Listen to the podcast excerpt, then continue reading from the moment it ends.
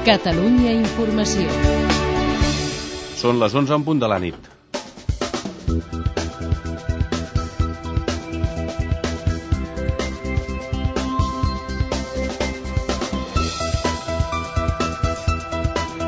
Les tropes índies assalten l'hotel de Bombay on s'han fet forts els terroristes i detenen tres sospitosos, dels quals pakistanès.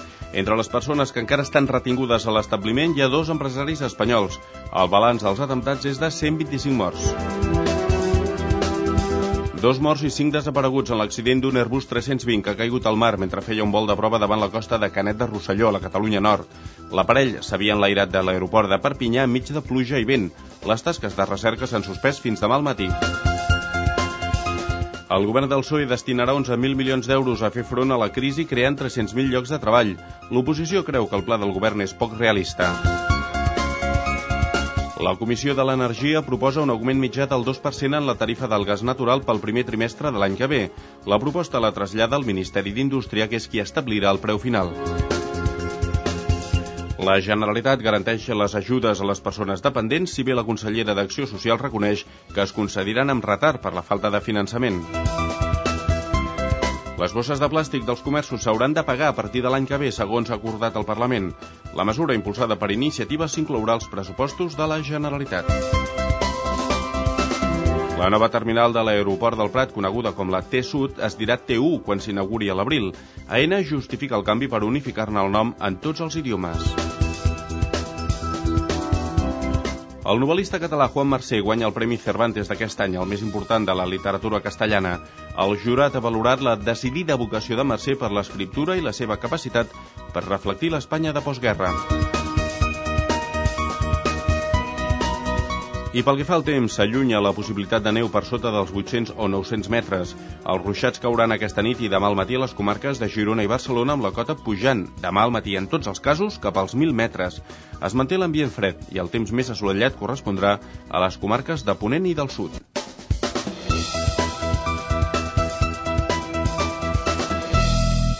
Catalunya Informació.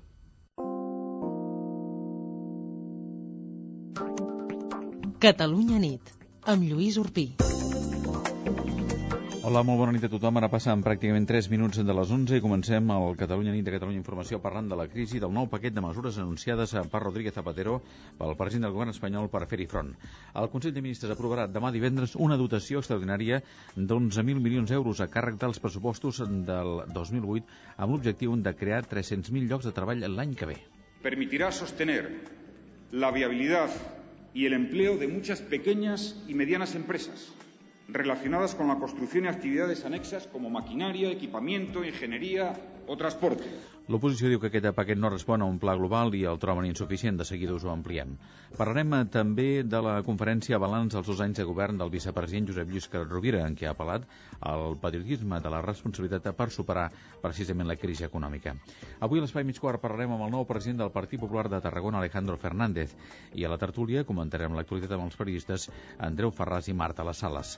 I abans de dos quarts de dotze arribaran els esports amb Jordi Castanyada. Jordi, bona nit. Hola, bona nit. D'entrada parlarem de l'Eurolliga de bàsquet. Resultats positius pels dos equips catalans. DKB Joventut 105, Tau de Vitoria 100, una victòria importantíssima per la penya per continuar amb opcions de passar a la següent fase, i Zalguiris de Cauna 60, Rigal Barça 75, una victòria que doncs, posa el Barça al capdavant del seu grup. En futbol, el Barça s'ha entrenat aquest dijous a la tarda per preparar el partit de dissabte al camp del Sevilla. Vidal ha tornat al grup després de quatre setmanes de baixa, però en canvi Boyan s'ha reservat i és en dubte per dissabte, té un fort cop al turmell esquerre. En hoquei patins, aquest vespre hem conegut la sanció al porter del Noia Luis Gil.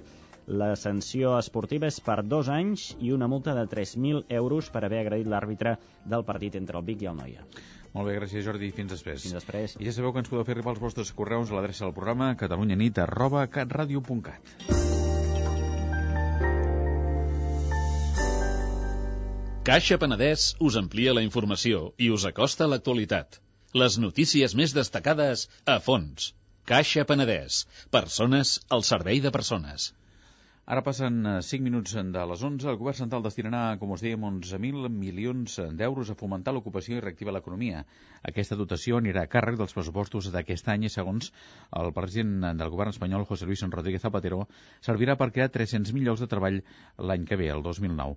La major part dels diners l'endú l'àmbit local, però també hi ha una partida per al sector de l'automòbil, per al sector de l'automoció, que està patint d'una manera important aquesta crisi també. Zapatero ho ha explicat al Congrés dels Diputats diputats on ha comparegut a petició pròpia. Anem a Madrid. Txell Feixes, bona nit. Hola, bona nit. La partida per l'àmbit local es concreta en un nou fons d'inversió públic municipal amb què els ajuntaments podran finançar nous equipaments que hauran de començar entre gener i abril. Un fons dotat amb 8.000 milions d'euros, el doble del que tenien pressupostat les corporacions per aquest any, i hauria de generar 200.000 llocs de treball al 2009, juntament amb aquests altres incentius que concretava el president Zapatero. Permitirà sostener la viabilitat y el empleo de muchas pequeñas y medianas empresas relacionadas con la construcción y actividades anexas como maquinaria, equipamiento, ingeniería o transporte. Pel que fa a l'àmbit de l'automòbil, 800 milions d'euros pel pla integral a curt termini proposa mesures que redueixin els costos d'ocupació i responguin a les necessitats financeres del sector. Això a canvi que les empreses mantinguin els llocs de treball. Destaquen també 400 milions per millorar el sistema de dependència. S'haurien de traduir en 40.000 llocs de treball i aquest mateix número de nous atesos. Nou paquet de mesures pels pròxims dos anys amb caràcter d'urgència que aprovarà demà el Consell de Ministres. Gràcies, Meritxell Feixes. Eh, mantenim aquesta comunicació amb la capital de l'Estat, però perquè un altre company de la nostra cinta territorial ens informi sobre les reaccions, en aquest cas, a aquestes mesures anunciades per Rodríguez Zapatero. Els grups de l'oposició creuen que aquestes noves propostes del president del govern espanyol no responen a un pla global i realista per pal·liar la crisi econòmica. Crònica ara de Sigfrid Gràcia. Sigfrid, bona nit. Hola, bona nit. Mariano Rajoy i Zapatero demostra un cop més una falta de planificació global i que aquestes noves mesures són una mostra Lo más llamativo, sin duda, ha sido su carácter precipitado y tornadizo, como si el Gobierno estuviera obsesionado por aparentar que hace algo y que no se note que lo hace por hacer y sin saber bien lo que hace. Desbarajuste, señor Rodríguez Zapatero. Esa es la expresión que mejor define su actuación en este terreno, un puro desbarajuste. Josep Antoni Duran i Lleida, en nom de Convergència i Unió, demana al govern polítiques coherents i coordinades. Sin la visualización global de la crisis, sin una planificación estratégica para hacerle frente, creo que este gobierno se va a quedar gestionando un pupurri de medidas que con toda seguridad estarán diseñadas con buenas intenciones, pero inconexas entre ellas y con una probable efectividad bastante inútil.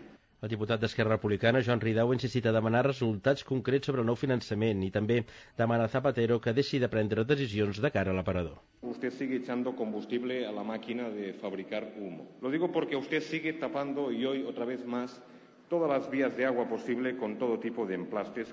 I Joan Herrera, en nom d'iniciativa, demana a Zapatero que consensui les propostes i busqui l'efectivitat. Lo que tienen que hacer es hacerlo con más orden, con más consenso, de forma más efectiva y eso sí, con un poquito menos de gestos. Per últim, Jesús Coreca del PNB ha demanat al govern que siguin flexibles a l'hora d'aplicar el fons municipal. Gràcies, Madrid Cifrigas. Uh, canviem ara de qüestió. Com us dèiem, avui hi ha hagut una conferència, en aquest cas de balanç del vicepresident del govern, Josep Lluís Carot Rovira, que reclama als catalans que no caiguin en el desànim i que facin un esforç de petitisme en aquests temps de crisi. Carot Rovira ha pronunciat aquest vespre una conferència a Barcelona per fer balanç, com us dèiem, dels dos anys del govern d'Entesa. En Barcelona, Marta Corbalan, bona nit. Hola, bona nit. Carot ha fet una crida a sortir del derrotisme i a no caure en el desànim en l'actual context de crisi econòmica i davant d'un escenari polític incert marcat pel futur de l'Estatut i el finançament. Per superar les adversitats, el vicepresident del govern ha demanat que en moments difícils com ara tothom estigui al costat del país. Cal també fer una crida al patriotisme de la responsabilitat, al patriotisme del compromís amb el país de totes les institucions, dels sectors econòmics, de les finances i la indústria, del coneixement i de l'empresa, dels autònoms i dels creadors, de la societat civil en general i del poble, perquè junts podem canviar de futur. Segons Carot, la millor recepta per afrontar la crisi és una sortida catalana que no passi per Madrid. Davant d'una hipotètica retallada de l'Estatut, la recepta seria recuperar l'esperit unitari del 30 de setembre. La resposta amb més força nacional només pot ser aquella que representi la majoria de la nació. No pas, doncs, la que provoqui satisfacció només a una part dels catalans o bé la que tranquil·litzi les consciències dòcils d'una altra part. Que tothom ho tingui clar. No ens quedarem amb els braços creuats. Amb una cuidada posada en escena a l'Auditori de la Torre Akbar de Barcelona, Carot ha pronunciat la conferència davant de nombrosos representants de la societat civil i davant d'una nodrida fila zero formada pels consellers Saura, Nadal, Ausàs, Capdevila, Tres Serres, Llena i Serna. També hi eren el president del Parlament, Ernest Benac, i el líder d'Esquerra, Joan Puigcercós, entre d'altres. Gràcies a Marta Corbalan. La vella guàrdia de Convergència Democràtica de Catalunya ha volgut escenificar avui el seu suport incondicional l'actual líder, Artur Mas. Ha estat durant la primera reunió del Consell Assessor del partit creat al Congrés de l'estiu passat. Ho ha seguit Eva Godàs. Eva, bona nit. Bona nit. I l'aval explícit dels veterans és significatiu perquè qui li ha posat veu és l'exconseller Josep Maria Cullell, que s'identifica amb les tesis menys sobiranistes del partit, al costat de Miquel Roca. Avui, amb un to que deixava clara la seva intencionalitat i dirigint-se directament a Mas, ha tancat la seva intervenció inicial així. Només volia dir-te una cosa, Artur, que quedi clar per part nostra. Per aquesta aposta pel canvi, pels de sempre, pels de sempre, tu ets el nostre candidat. I tindràs el nostre suport fins que realment sigui possible que Catalunya pugui mirar el futur amb esperança i amb il·lusió. L'objectiu del Consell Assessor és capitalitzar l'experiència dels veterans i recuperar aquells antics dirigents del partit que han quedat desencisats a vosaltres i a aquesta gent que s'ha quedat a casa, a vegades desil·lusionada, desil·lusionada pel partit, desil·lusionada per la política, desil·lusionada per, per fi, doncs, diguem-ho clar, també com nosaltres hem fet la política, pel que sigui, desencisada. En aquests també és l'hora que vosaltres els hi aneu a dir que és l'hora de fer política. Amb quins actius, eh, Eva, compta aquest Consell Assessor? Doncs avui hem pogut veure la seu de Convergència, on s'ha fet l'acte consellers com Macià Lavedra, Maria Eugènia Cuenca, Francesc Xavier Marimón, Antoni Sobirà, Joaquim Molins o Josep Gomis. També hi són altres dirigents destacats, com ara Josep Varela o Salvador Carrera. I en el terreny del concret, com, com treballarà aquest eh, Consell Assessor, aquest organisme? Doncs podem avançar una estratègia. Enviaran enquestes a exdirigents del partit perquè puguin opinar sobre l'estratègia precisament de Convergència. Ara bé, Cullell ha deixat clar que en cap cas cas aquestes opinions seran vinculants. Més qüestions relacionades amb la política al nostre país. Joan Saura i Jordi Miralles han acordat enfortir la coalició electoral Iniciativa per Catalunya Verds, Esquerra Unida i Alternativa. Tot i això, els ecosocialistes no sabenen, en almenys de moment, a crear una aliança a l'estil de Convergència i Unió com demanaven els seus socis. Tot i que no hi ha acord de fons, les direccions dels dos partits coincideixen que hi ha aspectes de la seva relació millorables. Per això han quedat de tornar-se a trobar el mes de gener. El líder d'Esquerra Unida i Alternativa, Jordi Miralles, ha detallat les prioritats que s'han marcat després d'una primera trobada que s'ha fet aquest dijous al Parlament. En aquells llocs on hi ha dificultats des del punt de vista territorial o alguns aspectes d'àmbit nacional que creiem que són millorables, és en els primers deures que ens hem encarregat. La coalició ha detectat problemes, sobretot en algunes poblacions del Vallès, al Maresme i també al Baix Llobregat. I anem ara al País Bas. El govern de Juan José Barretxe ha rebut novament el suport dels socialistes del BCE per tirar endavant els pressupostos bascos de l'any que ve, de l'any 2009. Anem a Bilbao, crònica del nostre delegat, en Dani Gómez. Bona nit. Hola, bona nit. Les negociacions entre el Partit Socialista i el govern basc van començar dilluns passat i en tres dies han aconseguit tancar l'acord pressupostari pel 2009. Per quart any consecutiu, doncs, l'executiu d'Ibarretxe i els socialistes bascos rubriquen un pacte per aprovar els comptes d'Euskadi. En aquesta ocasió, l'acord està xifrat en més de 46 milions d'euros, que inclou altres 27 milions en crèdits de compromís pels anys 2010 i 2011. Tant la portaveu del govern basc, Miren Azcárate, com el dirigent del PSE, José Antonio Pastor, s'han felicitat seguretat perquè el consens, diuen, ha estat possible. La vicelendacari siempre ha dicho que eh, una vez que presenta los presupuestos su voluntad es llegar a acordar, a negociar con todos los grupos parlamentarios y acordar con todos aquellos con los que sea eh, posible y por tanto es una buena noticia indudablemente. Yo creo que la única valoración que se puede hacer es positiva, ¿no? Tanto por el clima que han presidido las negociaciones como por el acuerdo en sí mismo alcanzado, ¿no? Aunque ya habíamos anunciado e incluso exigido meses antes nuestra disposición y porque entendíamos que era necesario que se produjera ese acuerdo, eh, yo creo que se puede decir sin ánimo de exagerar que es un buen acuerdo para todos los vascos. El grup de l'Esquerra Abertzale al Parlament de Vitoria ja ha anunciat que presentarà una esmena a la totalitat contra el projecte de pressupostos. El debat sobre els pressupostos d'Euskadi pel 2009 se celebrarà possiblement el pròxim 29 de desembre. Geni de la llàntia meravellosa. Doctor, no sé què li passa. Vull un televisor. Pidola i pidola. Un ordinador. Tot el dia frega targetes de color verd. Unes vacances fantàstiques. I no és el primer. Unes maletes. És greu, què ets de fer? Comprar amb les targetes Visa de Caixa Penedès podrà pagar quan vulgui i, a més, guanyarà regals. Joan, sortim a comprar. Targetes Visa de Caixa Penedès. Genials. Caixa Penedès. Persones al servei de persones.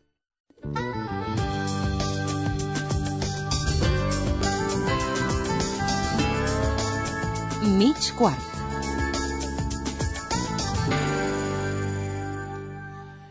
Hem arribat al punt d'un quart de dotze. Avui al Catalunya Nit eh, parlem amb Alejandro Fernández, vicesecretari d'Acció Política del Partit Popular de Catalunya i nou president d'aquesta formació a Tarragona. Senyor Fernández, bona nit i gràcies per atendre'ns. Bona nit a tots. Bé, d'entrada, què li sembla, parlant d'una cosa d'actualitat a nivell general, eh, què li sembla aquest paquet de mesures econòmiques anunciades avui per Rodríguez Zapatero, que ara comentàvem a l'informatiu, i que demà, eh, divendres, aprovarà el Consell de Ministres? Doncs entra una mica amb la línia de, de, del senyor Zapatero, no? És a dir, primer, eh, el paper ho aguanta tot, i per tant s'ha de veure amb la praxis política el que poden significar aquestes mesures. Però segurament tenen molt més a veure amb la seva voluntat de, de consolidar un discurs polític. Ell porta durant molts de mesos dient que eh, la crisi té culpa al neoliberalisme i aquestes fórmules retòriques que fa servir, i poc, poc amb l'economia real creiem que no es tracta precisament de més proteccionisme, sinó que es tractaria precisament de més, de més capacitat de la ciutadania, de menys impostos, de més reformes estructurals. I, per tant, aquestes mesures no són valentes i són el preveure. Uh -huh. Parlem ara de, del, seu, del seu partit. Com definiria la situació en aquests moments del Partit Popular a Tarragona? La del Partit Popular a Tarragona molt bona. I, a més, mm, no sé el primer que, que, que ho diu, no?, la gent del Partit Popular estem molt acostumats a dir quan fem congressos uh, d'una sola candidatura que som un partit monolític, un discurs eh, pràcticament patrificat. I, en canvi, quan fem congressos de més d'una candidatura, doncs és pràcticament una olla de grillos i que hi ha una conflictivitat enorme. En el cas del Partit Popular de Tarragona, que ha passat és un congrés amb tota normalitat de dues candidatures, els eh, afiliats s'han pronunciat i el que toca fer és mirar, mirar cap endavant capaços de projectar el missatge del nostre partit. Per tant, eh, amb total normalitat, i ho dic amb tota sinceritat. Eh, vostè va dir que després de la victòria que volia treballar amb tothom en la mateixa direcció. O sigui, tindrà en compte les persones que donaven suport també a la, als altres candidats, a l'altra candidatura? Miri, una de les coses que deia precisament en la, en la, en la cluenda del Congrés és que les persones que van fusionar candidatures, que eren la, la Dolors Comte i la, i la Isa Sales, que van anar finalment plegades a la mateixa candidatura, són presidents comarcals del Baix Camp i del Montsià, eh, respectivament. I això és mm, incontrovertible, inalterable, i a més jo estic entusiasmat perquè són bones presidentes de les seves, de les seves comarques i per tant hem de treballar, hem de treballar junts, és a dir, és una qüestió, no és només una qüestió d'integració voluntària, que ho és també, sinó que és una qüestió de tenir les millors persones al capdavant i per tant, per tant això és indiscutible. Ara es tracta de conjunt de les comarques tarragonines de treballar amb, amb tota la seriositat i amb tota l'eficàcia. Vostè parlava i definia la situació del Partit Popular de Tarragona i la considerava molt bona. Eh, I parlant de totes les comarques, està ja superat del tot el càstig que van rebre en el seu moment a les Terres de l'Ebre arran del PHN, del Pla Hidrològic Nacional? Això està per demostrar en el sentit que des d'un punt de vista estritament electoral, i, i amb això m'agrada ser rigorós, eh, doncs és evident que, que el Partit Popular va rebre, va rebre un rebuig important per part de, de, de la gent de l'Ebre.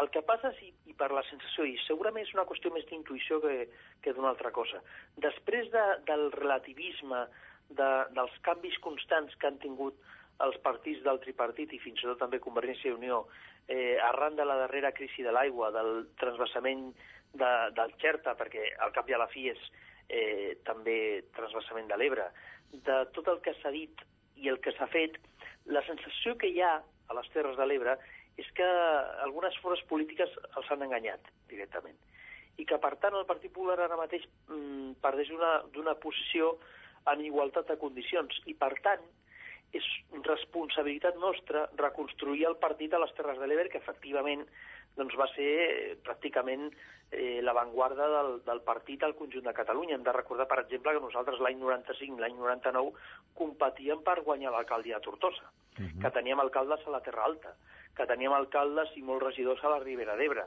Per tant, això es pot recuperar perfectament en la mesura que siguem capaços de traslladar aquest tipus de missatge polític. Uh -huh. Vostè continuarà l'executiva del partit a nivell de Catalunya o es concentrarà només en la feina al Partit Popular de Tarragona? És evident que, que quan, quan algú té responsabilitats polítiques d'àmbit territorial, jo a més sóc eh, portaveu del partit a l'Ajuntament de Tarragona, eh, hem de ser capaços de, de reordenar les responsabilitats polítiques. Jo continuaré, evidentment, a l'executiva de Catalunya, però de tenir una reunió doncs, per, per redefinir una mica les responsabilitats que té cadascú de cara a optimitzar els recursos i les idees. No?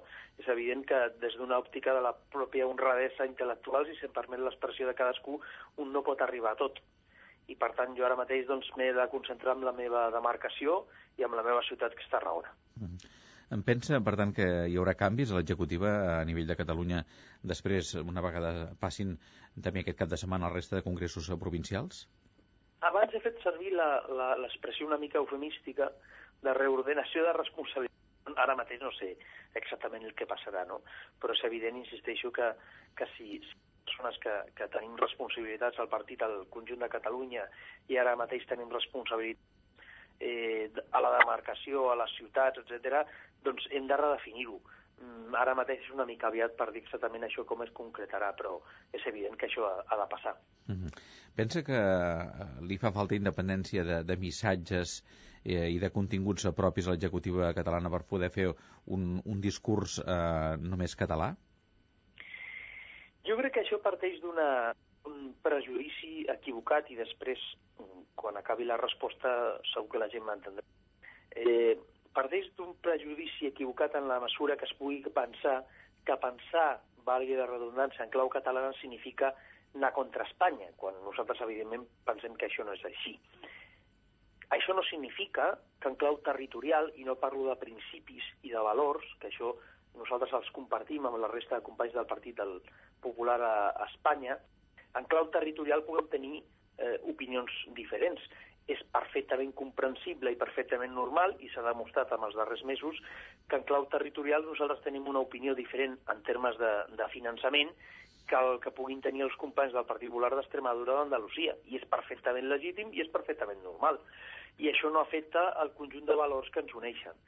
I crec que és el que estem eh, doncs, fer compatible. Abans, quan parlava de l'Ebre, de l'Ebre, no? Jo ara mateix soc president des del dissabte del, del Partit Popular a, a les comarques de l'Ebre i del Camp de Tarragona. Una de les coses que explicava als companys de l'Ebre és que és perfectament legítim que compartint valors, compartint principis, doncs la l'Ebre pugui tenir una opinió diferent de la gent del Camp de Tarragona en relació, per exemple, al traçat d'una carretera o en relació, per exemple, al disseny ferroviari del conjunt de la província. És perfectament normal, perfectament legítim i en conseqüència no es tracta tant d'anar en contra de o tenir una opinió diferent perquè sí, sinó de defensar els interessos del territori. I, i això és amb el que estem. Mm. Creu que després dels congressos de Tarragona i de Barcelona el projecte de Montserrat en Nebrera perd força? Bé, jo... Mm, a mi no m'agrada mai parlar, parlar de qüestions internes. De fet, crec que una de les coses que segurament s'ha fet malament per part del Partit Popular de Catalunya en els darrers anys i a mi m'agrada ser autocrític quan toca, és mm, parlar massa dels nostres temes i no parlar dels temes que interessen la ciutadania. De fet, més enllà de conclusions sobre si alguna persona té projecte de futur o no, o no el té, jo el que mm, insisteixo, eh, amb tota la prudència i amb tot el respecte, el que trobo una mica incoherent és que en el cas de la Montserrat Nebrera va començar parlant dels valors del, del neoliberalisme o de la dreta liberal, segons la seva terminologia, amb discursos sobre l'avortament, l'eutanàsia, valors i principis de la dreta, cosa que podíem compartir molts, i jo de fet els comparteixo, i porta masses mesos parlant de qüestions internes del partit. I això és molt negatiu, i això desprestigia el partit, i això és un error estratègic de fons important. Si vols liderar un partit, el primer que has de fer és explicar les teves idees les has d'explicar. Després has de eh, supeditar-te a la democràcia interna amb les regles del joc que hi ha i a partir d'aquí aconseguir consolidar el lideratge que, que, que els propis afiliats et, et proposin o et generin. I, per tant, crec que el que s'està fent en els darrers mesos, criticant els mecanismes de democràcia interna, eh, criticant la vida, la pròpia vida interna del partit, és un error estratègic de fons important, fins i tot si el teu objectiu fonamental és controlar un partit. És que no ho acabo d'entendre. I crec que el que s'ha de parlar és d'idees, de propostes pels ciutadans, i, i, i és la manera d'aconseguir un lideratge dintre del partit.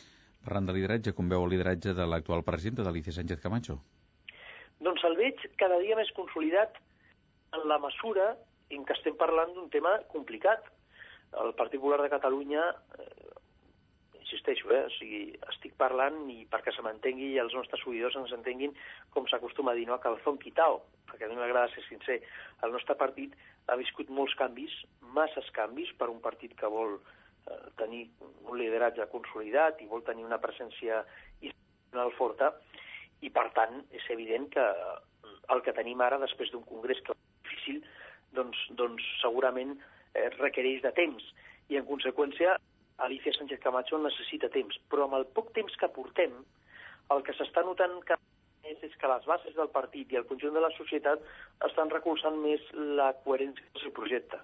I en aquest sentit jo el que puc mostrar és total satisfacció mm, del que s'està portant. Insisteixo, amb el benentès que ha de passar més temps, que hem de ser capaços de consolidar un projecte, que això no és dies, i, i que si som capaços de treballar en la mateixa direcció i sempre posant part dels de la ciutadania per sobre dels eh, legítims, segurament, de partit, però si posem per davant els interessos de la ciutadania, el Partit Popular té el seu espai a Catalunya segur perquè el va arribar a tenir. I per acabar un apunt de política municipal, com veu els pressupostos de l'Ajuntament de Tarragona i quin serà el sentit de vot del Partit Popular? Eh, perdoni, perquè amb la línia telefònica... Sí, tenim algun, la... algun petit problema, però de moment encara hem pogut sí. entendre tot el que anava dient. Pel que fa a la política municipal, com veu els pressupostos de l'Ajuntament de Tarragona i quin serà el sentit del vot del Partit Popular? Bé, nosaltres eh, fa uns dies votàvem a favor del Pla General. L'any passat ens vam amb el, amb el debat pressupostari Eh, dic això i ho faig servir com a, com a, com a introducció per explicar que ara mateix ens estigui escoltant que nosaltres sempre hem, hem apostat per la, per la posició constructiva, però enguany els pressupostos a l'Ajuntament de Tarragona no els podem acceptar de cap de les maneres. No podem acceptar uns pressupostos restrictius que es podria entendre des d'una perspectiva de crisi econòmica en àmbits com la promoció de ciutat, però que després la despesa en personal augmenti un 8%. Això demostra una de, un, un, un dels problemes, una de les ombres que té el mandat del senyor Ballesteros a Tarragona. I és la sensació que han arribat eh, a l'Ajuntament i que el primer que els ha obsessionat és col·locar tota la gent del partit.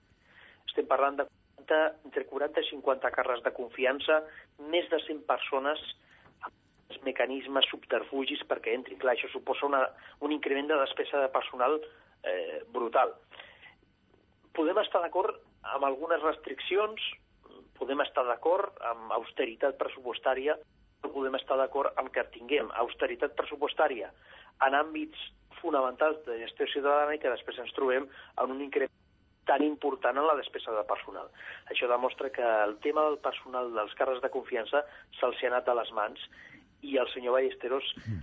pot acabar passant a la història eh, amb, com un alcalde molt de talante, això no se li pot negar, però com un alcalde que deixi la seva ciutat pitjor de, del que se la va trobar, i seria el primer de la història.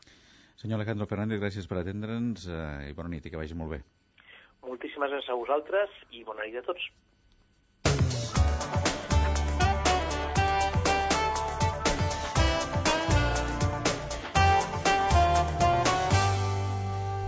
I ara, un minut i mig, i arribarem al punt de dos quarts de tots. Els esports, en Jordi Castanyeda. Jordi, bona nit. Bona nit. Comencem parlant de bàsquet. Sí, dels resultats de l'Eurolliga que han afavorit els clubs catalans. DKB Joventut 105, Tau de Vitoria 100. Una victòria vital de la penya per continuar amb opcions de passar ronda. El jugador de la penya, Ferran Lavinya, demana fer autoanàlisi. Jo crec que hem de, hem de ser conscients de com hem guanyat avui. Hem anotat molt, però sobretot hem treballat molt en defensa i jo crec que això és, això és el que ens ha de quedar a nosaltres, no, no ens hem d'equivocar, no hem de pensar que guanyarem anotant 100 punts cada partit, encara que ho hem fet els dos últims, perquè puntualment ho podem fer, però torno a repetir, la nostra força i la nostra consistència, la nostra regularitat al llarg de la temporada es basarà en la bona defensa. I Zalguiris de Kaunas 60, Riga el Barça 75. El base blaugrana Lakovic explica com han superat els moments difícils del partit.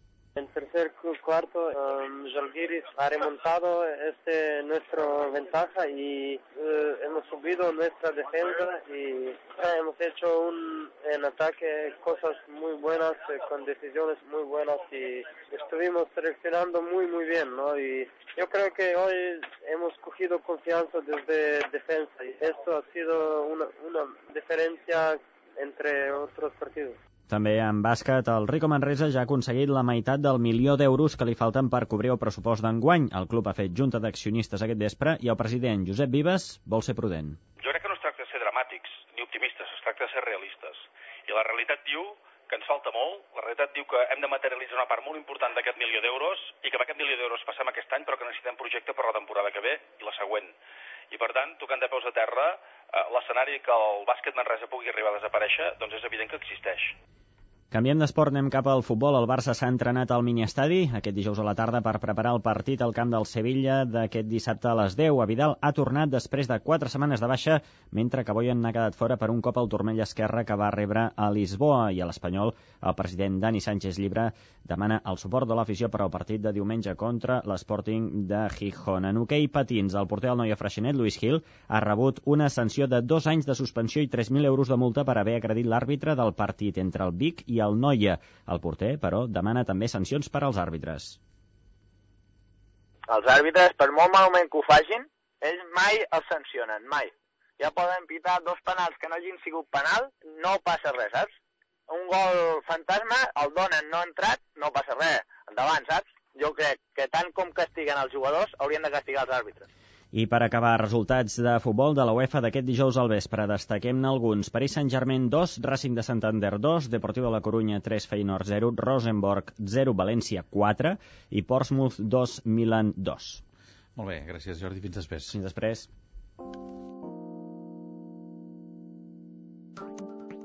Catalunya nit, amb Lluís Urpí.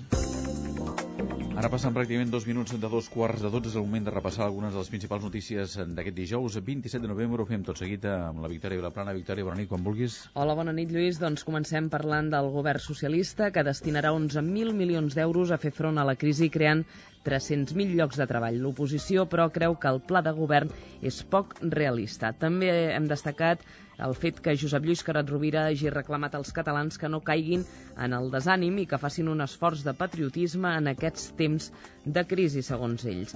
Les tropes índies assalten l'hotel de Bombay on s'han fet forts els terroristes i han detingut tres sospitosos, un dels quals pakistanès. Entre les persones que encara estan retingudes a l'establiment hi ha dos empresaris espanyols. El balanç de moment d'aquests atemptats és de 125 morts.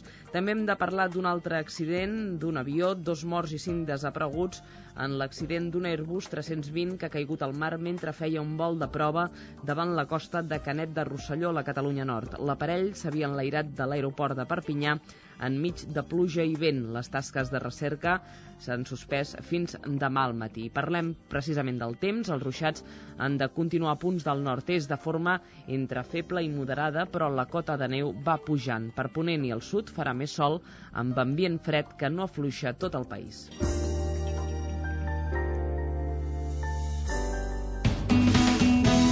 Bona nit. El número premiat del cupó diari celebrat avui és el... 96.712 96712. Demà, com cada dia, hi haurà un venedor molt a prop teu que reparteix il·lusió. Bona nit i recorda que amb el sorteig de l'11 la il·lusió es compleix. Catalunya nit. L'anàlisi de la política i els seus protagonistes a Catalunya Informació. Ara passen pràcticament 4 minuts de dos quarts de 12. Ja sabeu que ens podeu fer arribar els vostres correus a l'adreça del programa catalunyanit.catradio.cat. Avui la tertúlia ens acompanyen els periodistes Andreu Ferràs i Marta Les Sales. Bona nit i benvinguts. Bona nit. Hola, bona nit. Bé, d'entrada volen comentar alguna cosa del que ha dit Alejandro Fernández, el nou responsable del Partit Popular de Tarragona, a l'entrevista ara fa uns minuts. A mi m'ha fet gràcia un comentari que ha fet quan, quan li has preguntat per, per la Montserrat Nebrera. Sí. Uh, que ha començat, ha fet un discurs uh, que m'ha semblat molt assenyat, tenint en compte tota la, la història tan, tan sagnant que ha tingut el PP de Catalunya, de dir, escolti, no podem estar tot el dia eh, criticant-nos els uns als altres i el que hem de fer és treballar i, i he pensat, mira, bé, escolta'm, senyor assenyat, i acte seguit, home, ha començat a criticar la senyora Vera, perquè només fa que criticar el que dir, que l'ha de fer treballar, i dius, home, tan bé que li havia quedat la primera part, o sigui, la teoria se la saben prou bé, però després a l'hora de posar-ho a la pràctica sembla que, que això costa, eh? Grinyola. Sí, a mi també m'ha cridat l'atenció. Justament aquestes paroles ho tenia aquí apuntat. Eh, Aquesta crítica de dir, oh, és que es porta, està masses mesos parlant de qüestions internes. I llavors ha començat a De carregar, funcionament del partit. a carregar i criticar Montserrat Nebrera. M'ha sobtat no tant les paraules a vegades com el to i això efectivament de que dir les coses encara dins del Partit Popular continuen molt, molt crispades. Uh -huh. Veig perquè en lloc d'ignorar o intentar ignorar o ningunejar a Montserrat Nebrera o intentar treure importància, tre, treure ferro a l'actitud la, de Montserrat Nebrera que certament ha estat molt crítica i molt fins i tot fins a cert punt políticament incorrecta envers la, la, la, la línia encapçalada per Sánchez Camacho doncs en lloc de fer això doncs Alejandro Fernández el que ha fet és eh, encara diguem accentuant més la separació jo em pensava que diria bueno, vull ser president de tots de tot el PP de Tarragona de i, per fet, tant De fet, ha sigut el discurs que ha fet Exacte, i... l'inicial, però després ha tornat. comarques es mantindria la... Bueno, sí, sí, però, Però- llavors de totes maneres eh, I a més que l'Andreu té raó, que jo penso que el, la millor estratègia que podria aplicar el, el PP d'Alicia Sánchez Camacho davant de, de la senyora Nebrera és, és ignorar-la. Sí. ignorar-la o treure importància a la Mm. seva, a la seva Ell, ell, ell va ser com una fogarada sí.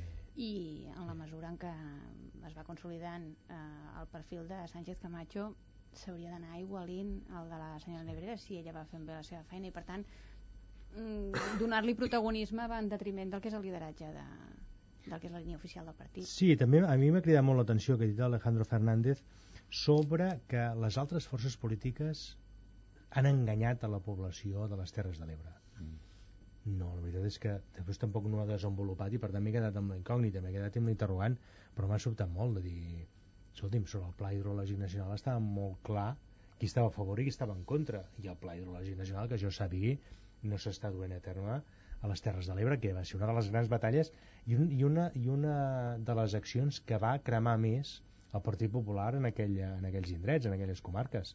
Mm, El Partit Popular i també en bona part a Convergència i Unió, però sobretot el Partit Popular, mm. el Pla Hidrològic Nacional. Llavors no he acabat d'entendre que digués no, és que s'estan adonant els electors, els ciutadans de Terres de l'Ebre, de, la, de les comarques de Tarragona en general, que les altres forces polítiques han, el, els han enganyat. I va, m'he quedat amb aquest interrogant.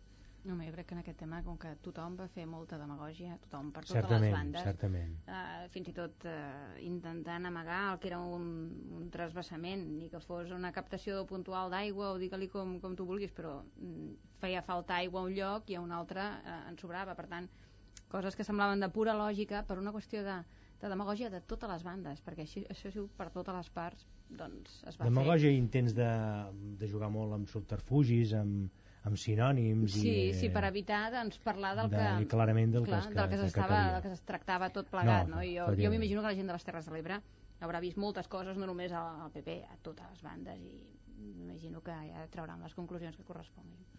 I pel que fa al lideratge de Sánchez Camacho, el veuen cada vegada més consolidat, com deia el senyor Fernández? Home, amb aquests congressos, els congressos provincials han consolidat, els del PP de Barcelona Sí, i el mica mica Provincial i el PP fent- de Tarragona també, compta amb la amb Ara falta suport. Girona i Lleida, sí. Falta Girona i Lleida, però en qualsevol cas en el PP de català em penso, i, i no descobrim res nou, el PP català, mm, la direcció depèn totalment de, del carrer Gènova, de, de la direcció nacional de Madrid, i per tant jo penso que és dels partits més sucursalistes, clarament, que hi ha eh, a Catalunya, i per tant Sánchez Camacho eh, estarà consolidada en tant en quant segueixi les directrius que li marquin des de, des de la direcció perquè d'altra banda no hi havia una raó objectiva ni tampoc masses masses arguments eh, com perquè el Daniel Cirera que estava, va ser imposat també per la direcció nacional anomenada nacional per, del PP doncs fos, fos eh, eliminat diguem fos degradat o, o apartat de la presidència del PP català. I penso que està consolidada. Però voldria esmentar per acabar sobre això de la consolidació una, un, una, un, un fet que penso que, que justifica aquesta, aquest sucursalisme que trobo en el PP eh, català, que és que demà Maria Dolores de Cospedal, la secretària general del PP, la número 2 del, del PP, estarà a Barcelona, visitarà Barcelona, estarà al Círculo Equestre, però en canvi en cap moment trepitjarà la seu del PP de Catalunya. I no farà ni una sola conferència de premsa a dins del PP de Catalunya, com podria semblar normal, com visita d'un directiu, d'un dirigent d'abast estatal, no? una, una dirigent espanyola d'un partit. Només em sembla que amb aquest tret es pot quedar bastant fotografiada quina és la situació del PP, penso, a Catalunya. És un exemple gràfic, no? Penso que gràficament sí, és molt clar. És a dir, va abans al Círculo Equestre, on té una, una trobada, amb, em sembla, organitzada amb el Banc Urquijo, si no tinc mal entès, amb uns eh, executius de banca, i en canvi no es passa, estarà acompanyada per Sánchez Camacho, no anirà per lliure, uh -huh. però eh, estarà acompanyada però no anirà a la seu ni estarà amb la militància o amb els dirigents de, del partit.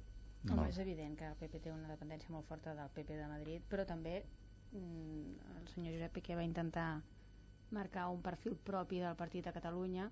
No se'n va sortir, però hem de veure què és el que pretén fer la senyora Sánchez Camacho, si es limitarà a seguir les directrius o si ella també voldrà, uh mhm. -huh. voldrà mantenir la seva pròpia veu. A veure. Veurem què, què passa. Això ho anirem veient en els propers mesos i els propers anys. Parlem ara de, de Rodríguez Zapatero i també de les crítiques que ha rebut aquest, aquest eh, nou paquet de mesures per fer front a la crisi econòmica. Com ho veuen, aquest paquet que avui ha anunciat eh, el Congrés i que demà aprovarà concretament el Consell de Ministres? 11.000 milions d'euros mm, per crear 300 milions de treball, dels quals 8.000 milions es destinaran a la inversió pública local, als ajuntaments per, per la construcció d'equipaments entre els mesos de gener i abril. Home, jo diria que són mesures, com totes les anteriors, que són necessàries, però malauradament no seran suficients, perquè ens trobem en una, en una crisi econòmica ja pràcticament mm, reconegut per tothom, per totes les entitats especialitzades, una recessió, és a dir, que estem anant, l'economia està anant cap enrere, no és que s'hagi congelat ni que s'hagi desaccelerat, sinó que s'està anant cap enrere. Llavors, eh, donar-li la volta a aquesta dinàmica és dificilíssim i aquestes mesures intenten pal·liar doncs, aquesta, aquesta recessió i aquest, aquesta paralització de l'economia. Són mesures necessàries, insisteixo, però no són, no són suficients, per desgràcia. No em sembla just eh, eh, qualificar-les de poc realistes, perquè en tot cas bueno, podem dir que són, són insuficients, però no poc realistes, i d'altra banda, doncs, home, clarament és un intent no només d'injectar mm, diners a l'economia perquè funcioni, seguint a més a més els típics manuals keynesians de més inversió pública per fomentar generació d'ocupació i al mateix temps eh, fomentar la demanda, és a dir, fomentar el consum indirectament i si fomentes el consum també generes, generes més ocupació, més llocs de treball, aquests 300.000 llocs de treball, de treball creats directament, doncs naturalment som de molt ajut, ja veurem com, com s'aconsegueix, com aconsegueix el govern, i al mateix temps matar un altre ocell que és acontentar els ajuntaments que s'estan queixant en nombroses ocasions que porten mesos queixant-se els ajuntaments de tota Espanya queixant-se del, del seu deute dels problemes que tenen de liquiditat arreu d'Espanya i que més coincideix que demà el president Zapatero s'entrevista amb el president de la Federació Espanyola de Municipis i Províncies, amb la qual li podrà dir escolta, no, jo vaig anunciar, goita, aquests 11.000 milions o bona part d'aquests 11.000 milions són pels ajuntaments, per tant, diguem-ne, acontentar aquestes queixes de, dels municipis i de les províncies espanyoles. Home, el senyor Zapatero es va estar mm, molt de temps negant que hi havia la crisi i jo crec que ara sent com... Això és un, gra, un, un gran una, error, va ser un, un, un error dramàtic i sí. això fa que ara tingui, dona la sensació una certa necessitat de, de projectar molt la seva imatge sortint a fer front a aquella crisi que fa que va negar, molt poc molt... va negar eh, amb molta rotunditat no?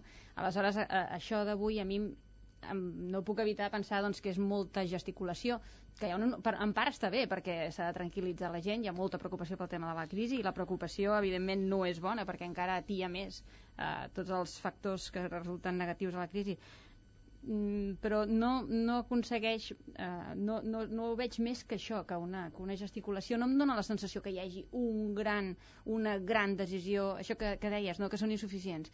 Em mm, semblen pedaços més del mateix cada vegada. Que per respondre a aquesta crisi i a més a més quan venim d'una bombolla immobiliària tan salvatge que s'ha dedicat tants recursos al tema de la construcció que la resposta a una crisi en aquesta situació és l'obra pública, doncs, doncs no ha descobert la sopa d'all, no? I per tant, cap aquí s'està abocant la inversió i per altra banda també a Brussel·les ja s'estava dient que s'havia de fer una injecció global de 200.000 milions, penso, entre, uh Mhm. -huh. entre la, tots els països de, de la Unió Europea i per tant cadascú ha anat dirigint cap allà on hi ha hagut qui ha fet baixades d'impostos per incentivar el consum cadascú ha dirigit cap on li semblava que podia, que podia millor utilitzar-ho en funció de les seves conjuntures i aquí doncs, doncs no, no ha sigut molt original i caldrà veure que, quins resultats dona. És que són, són aquestes accions que jo crec que podem dir pedaços o intents d'arreglar o gesticulacions jo prefereixo creure que són accions pensades i que a més a més estan destinades i que finalment alguna cosa faran però un govern, sigui el que sigui fins i tot ni, ni, ni aquest ni el de França ni el dels Estats Units difícilment pot, fer, pot resoldre aquesta crisi, en primer lloc perquè penso que aquesta crisi no sabem quina és la seva envergadura, o sigui, ningú sap. L'abast en real no el sap ningú No se encara. sap quin és l'abast real, això és el pitjor, és a dir, la, sen la sensació que hi ha absoluta d'incertesa, ja no només des del ciutadà eh, ciutadà al carrer uh -huh. més desinformat i, i, i amb menys pocs recursos, sinó fins i tot els experts més, eh, més sòlids de, de l'economia mundial no saben encara quin és la base, és a dir, encara no sap quina és la quantitat, o com a mínim no s'ha informat de quins són els actius, el número d'actius eh, tòxics que hi ha en circulació. Uh -huh. Han sortit informacions que asseguren que la banca espanyola també té actius tòxics i que no han estat encara eh, fets públics. Per tant, algunes informacions de, de, de, de, de mitjans diguem-ne, eh, rigorosos, diguem no és de, de, de mitjans poc rigorosos i, i que utilitzi molt la rumorologia. Per tant, no, encara no se sap l'abast, la profunditat d'aquesta crisi, per tant, difícilment un govern, ja no només el govern espanyol, sinó fins i tot el famós G20, difícilment pot fer, pot lluitar contra algú, Però- contra un monstre, diguem-ne, que, que- que no, no, no, no se coneix quines són les A dimensions. vegades eh, és molt important eh, les mesures que s'adopten evidentment són molt importants però també és molt important transmetre una sensació de confiança a la ciutadania sí. uh, en un moment en què no saps realment, és veritat ni els experts es posen d'acord en, en per on va aquesta història però també veus uh, una persona com Gordon Brown per exemple, que està uh, als seus pitjors moments que planteja una sortida quan hi ha la primera crisi financera i, i tothom s'hi apunta i això fa que genera confiança com en altres moments de crisi, no sé, quan hi havia eh, les eleccions alemanyes i Schroeder es va, plant, es va plantar amb unes, a unes inundacions que penso que eren a Baviera amb unes botes. No va anar, no, evidentment ell no va treure l'aigua que hi havia per allà, però mm, va encoratjar la gent, o quan Giuliani l'endemà de l'11S va, va sortir fent discursos allà damunt les runes dient, escoltin, endavant, mm, tothom a treballar, tothom a fer la vida normal, tothom a, a recuperar el fil de la vida quotidiana, no? Aleshores, jo crec que aquests discursos, sense que tens tota la raó del món, no hi ha les solucions màgiques, no les té ningú, però hi ha una cosa que sí que poden fer els líders polítics i que és la seva obligació, penso jo, que és eh, generar confiança. I, i generar-la d'una manera clara i, i has de, no sé, generar, donar una imatge que, que això és el que jo et dic, que a mi em dóna la sensació de, de que estem molt amb, amb pentes i rodolons, no? Un pedaç aquí, Sí, eh. no, no, no veus una, una sensació de fortalesa, no? Sobretot jo crec que hi ha hagut una manca de reflexes, no? És a dir, Una gran manca has comentat abans, eh, començant negant allò, negando la major, no? Dir, no, escolti'm, quina crisi? No hi ha crisi, no? Eh, Escolti'm, no pot negar-ho, però si, que ja, ja, tothom estava parlant de crisi i ells es resistien, el govern, sobretot el president Rodríguez Zapatero s'estava resistint a dir la paraula crisi, que era una mica infantil fins i tot. Clar, no? això, Perquè- això ha generat certa desconfiança cap Clar, a un govern perquè- que ha sigut incapaç de veure una Clar. cosa que els experts ja denunciaven. Efectivament, no, no pots negar la, la, Les evidències, l'evidència no? no? es poden negar llavors eh, en Zapatero amb això potser ha, ha començat tard llavors, clar, la qüestió mm, tan subjectiva de tots no? com és la confiança sí.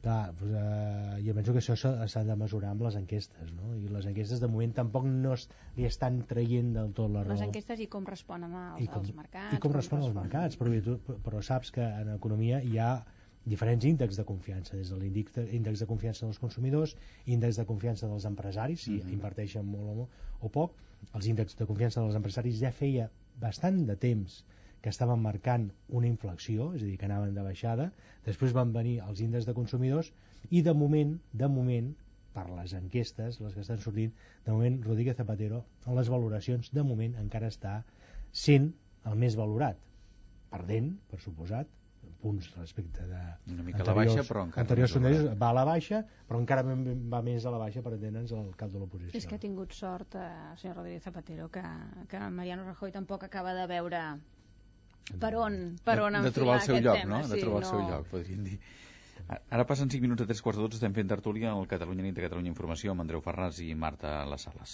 Parlant precisament també encara de, de la crisi, avui eh, ha fet unes declaracions el vicepresident del govern, Josep Lluís Carot Rovira, que ha fet balanç de, dels dos anys de, de govern i ha reclamat als catalans una de les frases que no caiguin en el desànim i que facin un esforç de patriotisme en aquests temps eh, complicats.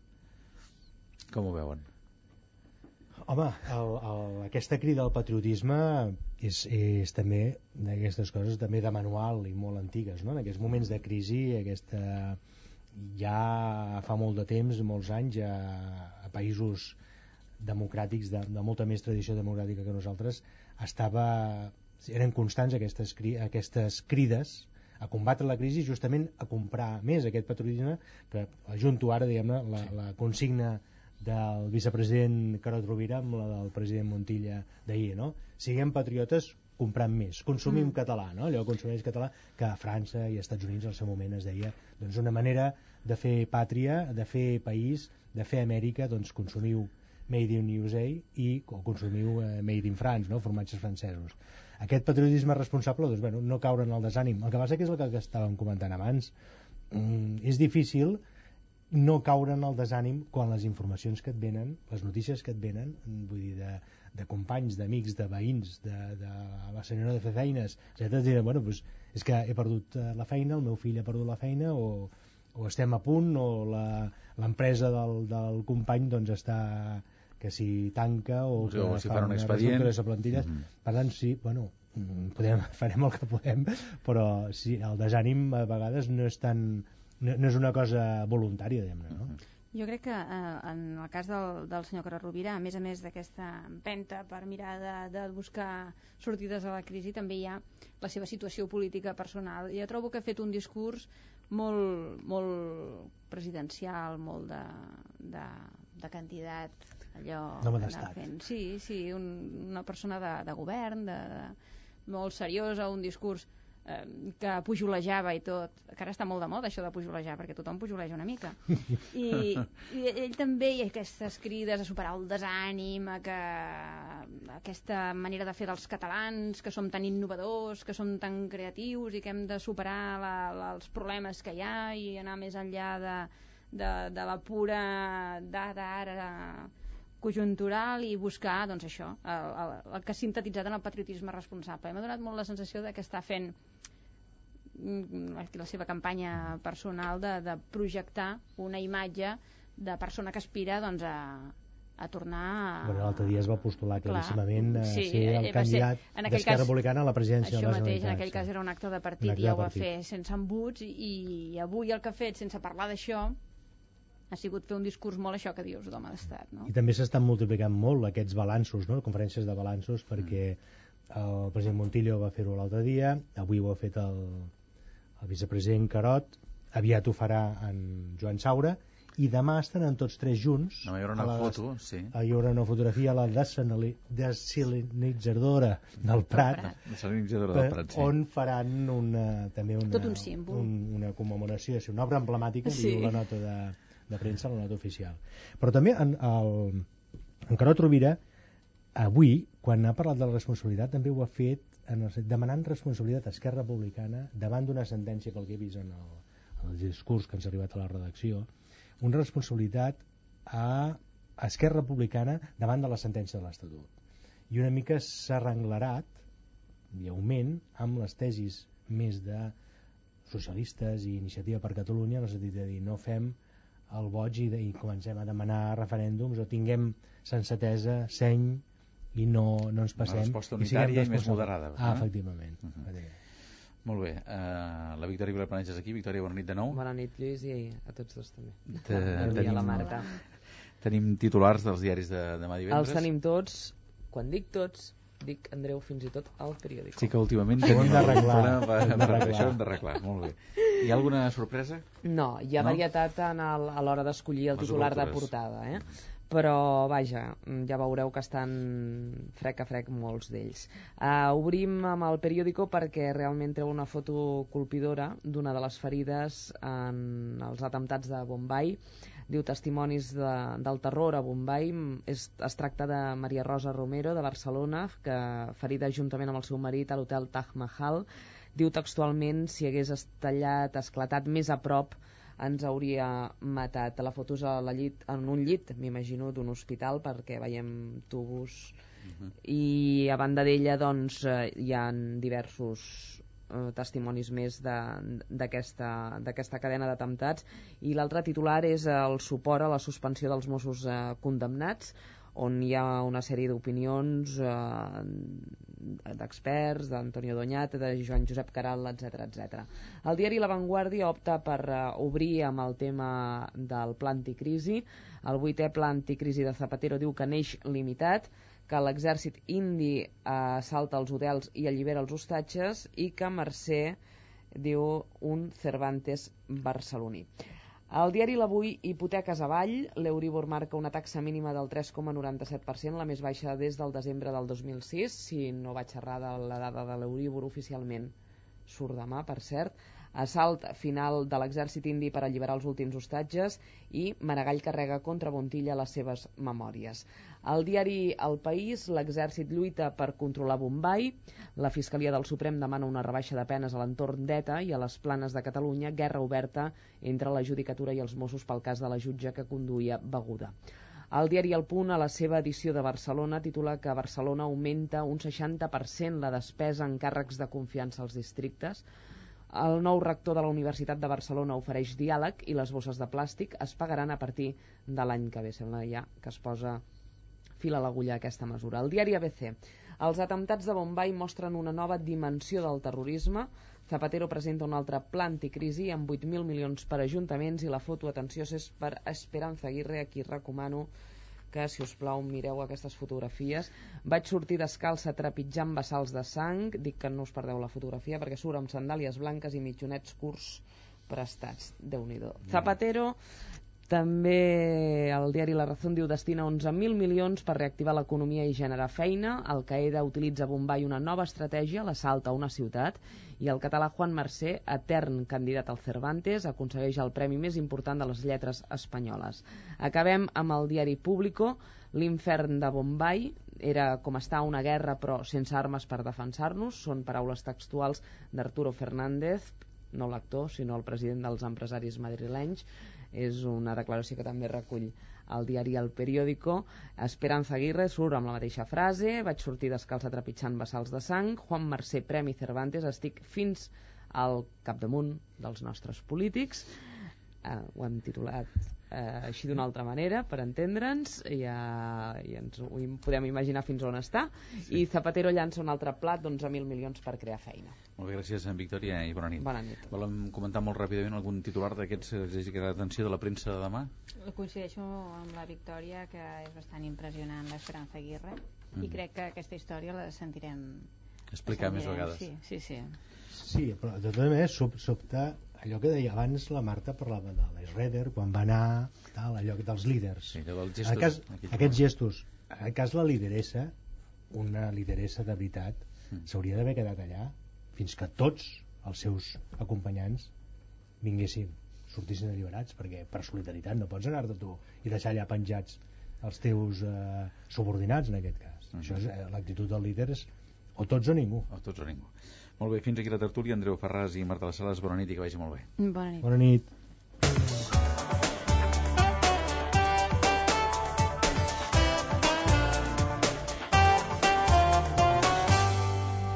Més d'un minut per arribar al punt de les 12. Jordi Cassanyada, bona nit. Hola, bona nit. Resultats i reflexió. Els resultats favorables als equips catalans a l'Eurolliga de bàsquet, DKB Joventut 105, Tau de Vitoria 100, el Guiris de Kaunas 60, Riga el Barça 75. En futbol, el Barça avui ha recuperat a Vidal, però és dubte Boyen per al partit de dissabte al camp de l'Espanyol i hem conegut la sanció per al porter del Noia. Parlem d'hoquei patins. Luis Gil ha estat sancionat per dos anys i 3.000 euros de multa per agressió a l'àrbitre del Vic Noia. Si et sembla, parlem en especial d'aquest 105 a 100 a favor del joventut. Necessitava aquesta victòria per continuar amb opcions. Un inici de temporada complicat, amb Ricky Rubio lesionat, amb Mensa Bonso, que també es lesiona, amb derrotes per pocs punts. A veure si ara el joventut, amb el retorn aviat de Ricky Rubio, torna a aixecar el cap. Molt bé, gràcies Jordi, bona nit i fins demà. Fins demà. I demà parlarem amb el secretari general adjunt de Convergència i Unió, Xavier Trias. Fins aquí el Catalunya nit d'avui. Tornem demà divendres. Fins llavors, gràcies per la vostra atenció, bona nit i molta sort.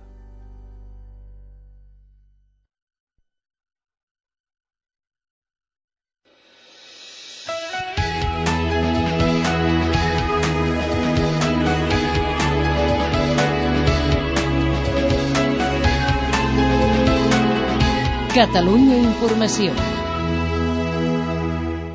Les 12.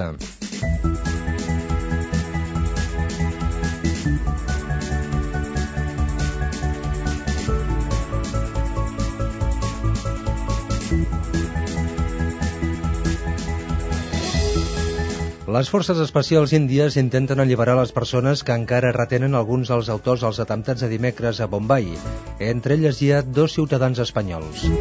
Un dels detinguts és un ciutadà pakistanès. El Pakistan nega, però, tenir res a veure amb els atemptats que han fet 125 morts i 300 ferits. El govern del PSOE destinarà 11.000 milions d'euros a fer front a la crisi creant 300.000 llocs de treball. L'oposició creu que el pla del govern és poc